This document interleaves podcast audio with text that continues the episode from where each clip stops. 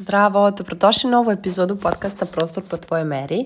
Danas ćemo da pričamo o tome kako da organizujete vreme i sadržaj na društvenim mrežama, odnosno kako da ne gubite vreme na društvenim mrežama. Um, kada god pomenem nekome da ko radi offline, da bi trebalo da pređe online, da treba što više ljudi da čuje, uglavnom je uh, izgovor prvi koji mi kažu ali ja nemam vreme za to, to oduzima previše vremena.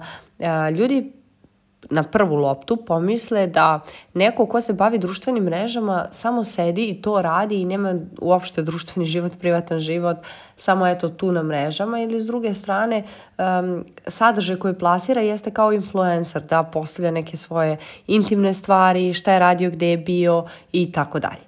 Međutim, to je nije nešto što uh, je istina, u smislu nešto što E, vi možete da radite, ali i ne morate. Nije jedina stvar koju morate da radite da biste došli do većeg broja publike. Uh, A, postoji a, pet stvari koji treba da uradite kako biste organizovali vreme i bolje iskoristili ga za sadržaj na društvenim mrežama, pa ću ih podeliti s vama jer ih i ja redovno koristim.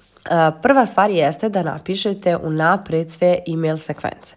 Pogotovo ako, na primjer, imate, volite da pišete, pa imate taj neki promo period prodavanja svojih proizvoda ili usluga, unapred napišite te email sekvence koje ćete kasnije samo dorađivati i prepravljati. Najteže je to prvi put uraditi. Sećam se kad sam ja prvi put radila, baš je bilo nekako naporno, ne znam kako, je, kako ide, šta da radim, ovo ili ono, ali onda već kad je drugi put krenula, ja sam to malo ispravila, treći put sam malo ispravila, jer sam već imala spremljen koncept, kostur, znala sam šta radim, o čemu ću da pišem i samo sam promenila neke stvari tehničke, a onda i neke ovako koje su mi se malo više svidele u ovom trenutku, izbacila sam one koje mi se ne sviđaju i to je bilo to. Što se tiče sadržaja za društvene mreže, napravite ga unapred. Ja imam plan objava za celu godinu i bukvalno znam šta ću u određenom mesecu da objavljujem i zaberem koliko ću da objavljujem. Uglavnom je to pet objava na nedeljnom nivou, znači od ponedjeljka do petka, vikendom gledam da ne objavljujem zato što i moja publika nije tu, a i ja želim da se opustim. I onda ako izaberem pet objava nedeljno, to je, e, mogu reći, 20 objava na mesečnom nivou, što je sasvim ok što možete smisliti. Tih 20 objava ja kasnije podelim koliko će biti, na primjer, običnih slika, koliko će biti karosel slika, koliko će biti videa, reel ili običan video i onda na kraju sprem toga gledam kakav ću sadržaj da prilagodim, gde, gde će da ide edukativni, gde će da ide motivišući, gde će da ide promo sadržaj, gde će da ide um, sadržaj sa kojima se povezujem sa publikom i tako dalje. Sljedeća stvar jeste da napišete opis unaprijed i, i da napravite svoje template za Instagram.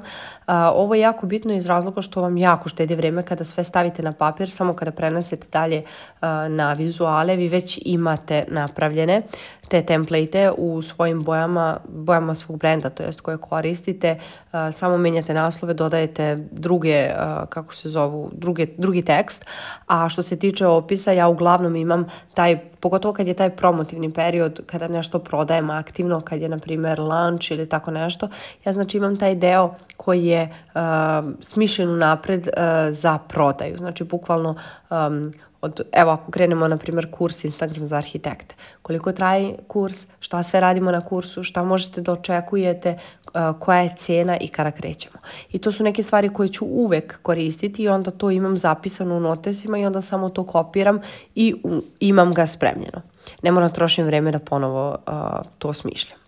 Onda, sledeća stvar koju možete da koristiti i koju treba da koristite jeste da sačuvate automatske odgovore na najčešće postavljena pitanja kao i template za račune. Zašto ovo? Zato što verovatno postoji um, nekoliko pitanja koje se iznova iznova ponavljaju. Kod mene je to, na primjer, kako izgleda saradnja sa mnom, koja je cena e, mojih usluga i, uh, na primjer, podaci za uplatu ili, na primjer, kada možemo da krenemo ili kako da zakaže konsultaciju i tako dalje.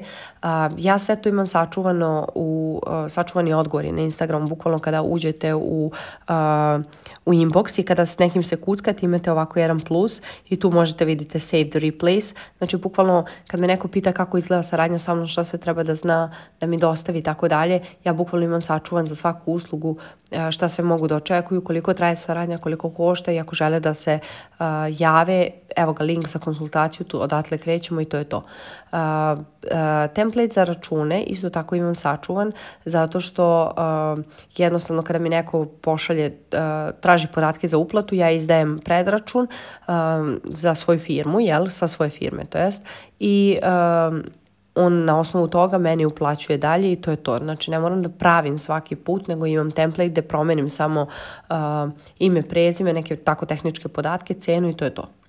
I na kraju jedna jako bitna stavka koja meni bukvalno stvarno mi pomaže, a to je uh, da koristimo Calendly za zakazivanje poziva. Zašto? Zato što mi je on spojen sa Google kalendarom gde bukvalno tačno imam određeno šta koji dan radim, kakve su mi obaveze te, tog dana, to je nedelje, tog meseca.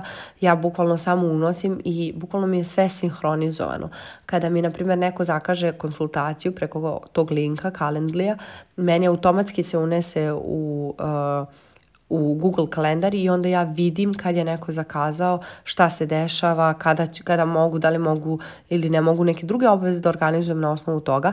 A super stvar jeste što sam ja na Calendly ostavila a, takav prostor i sama sebi prilagodila kada neko može da zakaže. Znači ne može neko kad hoće, nego postoje bukvalno slobodni termini koje sam ja ostavila, znači videla sam, na primjer, deca mi idu prepodne u vrtić, ja sam ostavila prepodne neke termine, a neke sam ostavila posle podne za slučaj da me neko kontaktira, na primjer, iz Australije ili Amerike gdje njima a, ti prepodnevni, prepodnevni termine odgovaraju, onda sam ja stavila to posle podne, dva, tri termina i bukvalno Oni mogu da zakažu samo kada meni odgovara.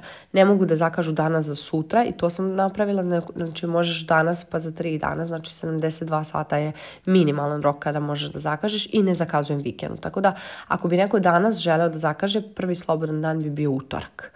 Tako da imate dovoljno vremena i da se pripremite i da dobijete neke važne e, materijale, e, da oslobodite neko svoje vreme i tako dalje. Ovo je pet stvari koje ja koristim da organizujem svoje vreme, jer kad nemam previše sa troje dece je jako teško organizovati se, ali ovo je meni bukvalno spasilo život i pogotovo što sam prisutna na mrežama non stop i što um, ljudi misle da ako si prisutna na mrežama nemaš uopšte život, što uopšte nije istina. Tako da nadam se da će i vama koristiti ovih pet stvari I ukoliko imate ideje za neke nove teme što se tiče podcasta, možete slobodno mi pišete na Instagramu Jelena Arhitekt ili na mail info.lusarhitekt.com jer jedva čekam da čujem vaše predloge. To je to i čujemo se u sledećoj epizodi.